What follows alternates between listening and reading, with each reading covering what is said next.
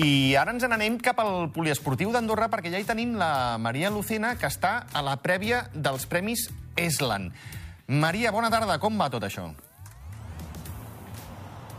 Bones, Xavi. Doncs, eh, com deies, estem aquí davant del poliesportiu d'Andorra, on el divendres es celebrarà la tercera edició dels Premis Eslan, uns eh, premis eh, organitzats pel eh, youtuber resident de Gref, que el que fan és eh, donar reconeixement als creadors de contingut hispanoparlants. S'espera doncs, que vinguin unes 2.000 persones, entre els que trobarem doncs, aquests creadors de contingut coneguts internacionalment i també doncs, usuaris que volen venir a gaudir d'aquesta entrega de premis, però també, a més a més, de les actuacions musicals musicals d'artistes eh, també de renom, com per exemple Lola Índigo o Stop. A nosaltres aquest matí hem tingut l'oportunitat d'entrar dins d'aquest poliesportiu amb l'Àlex Bretone, que és el director general d'Ubic, l'empresa organitzadora, i ens ha ensenyat com està el muntatge, com van els preparatius i ens ha parlat de les sensacions.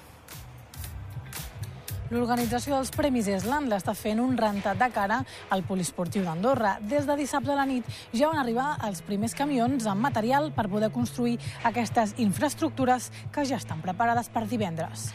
Al principi, eh, dissabte, diumenge i dilluns el que hem estat muntant doncs, és la part més d'escenografia, també es tenia que protegir el parquet per temes de pesos i perquè després quedi doncs, com, com tu has trobat, no? Avui, ahir va començar la part tècnica, que terminarà, que acaba avui, i, i demà ja són assajos, assajos dels artistes, assajos de la gala, assajos del David, es fa sempre una, un simulacre no? de gala de principi a final i, i divendres gala. Aquesta edició dels Island ha estat marcada pels imprevistos i els canvis d'última hora, però de totes maneres l'equip no s'ha plantejat en ningú moment deixar de fer els premis aquí a Andorra.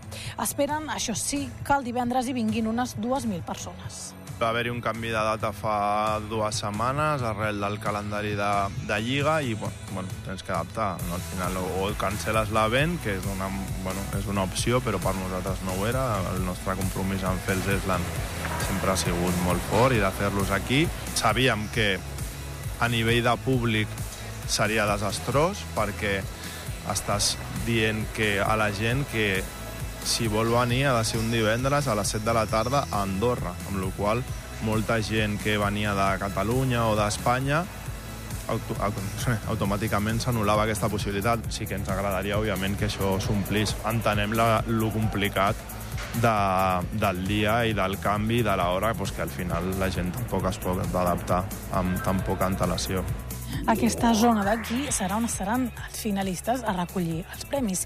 I justament, pujant per aquestes escales, arribaran a l'escenari a recollir els galardons. Serà el focus de l'esdeveniment i, a més a més, acollirà actuacions d'artistes internacionals principal objectiu és que la gent estigui entretinguda, que s'ho passi bé, que balli, que canti, no només amb les actuacions musicals, no? que aquest any són Lola Índigo i Estopa, sinó amb ve la Magic, que és una, una maga de TikTok que fa coses superguais, eh, ve la Fura dels Baus, que potser sembla molt allunyada no? d'aquest món, perquè és gent que ha fet l'espectacle de Barcelona 92, d'unes Olimpiades, però que ens agradava molt i barrejar una mica de, de tots els mons. Doncs ja ho veuen, estan acabant d'ultimar aquests detalls pel divendres i jo t'he de dir, Xavi, que nosaltres vindrem un equip, vindrem aquí a veure què està passant i si vols, doncs ho comentem el proper dimecres, allà al plató. Doncs, eh, Maria, així ho farem. Moltíssimes gràcies i traslladar-li també aquesta gratitud a la càmera, l'Anna Romagosa. Gràcies.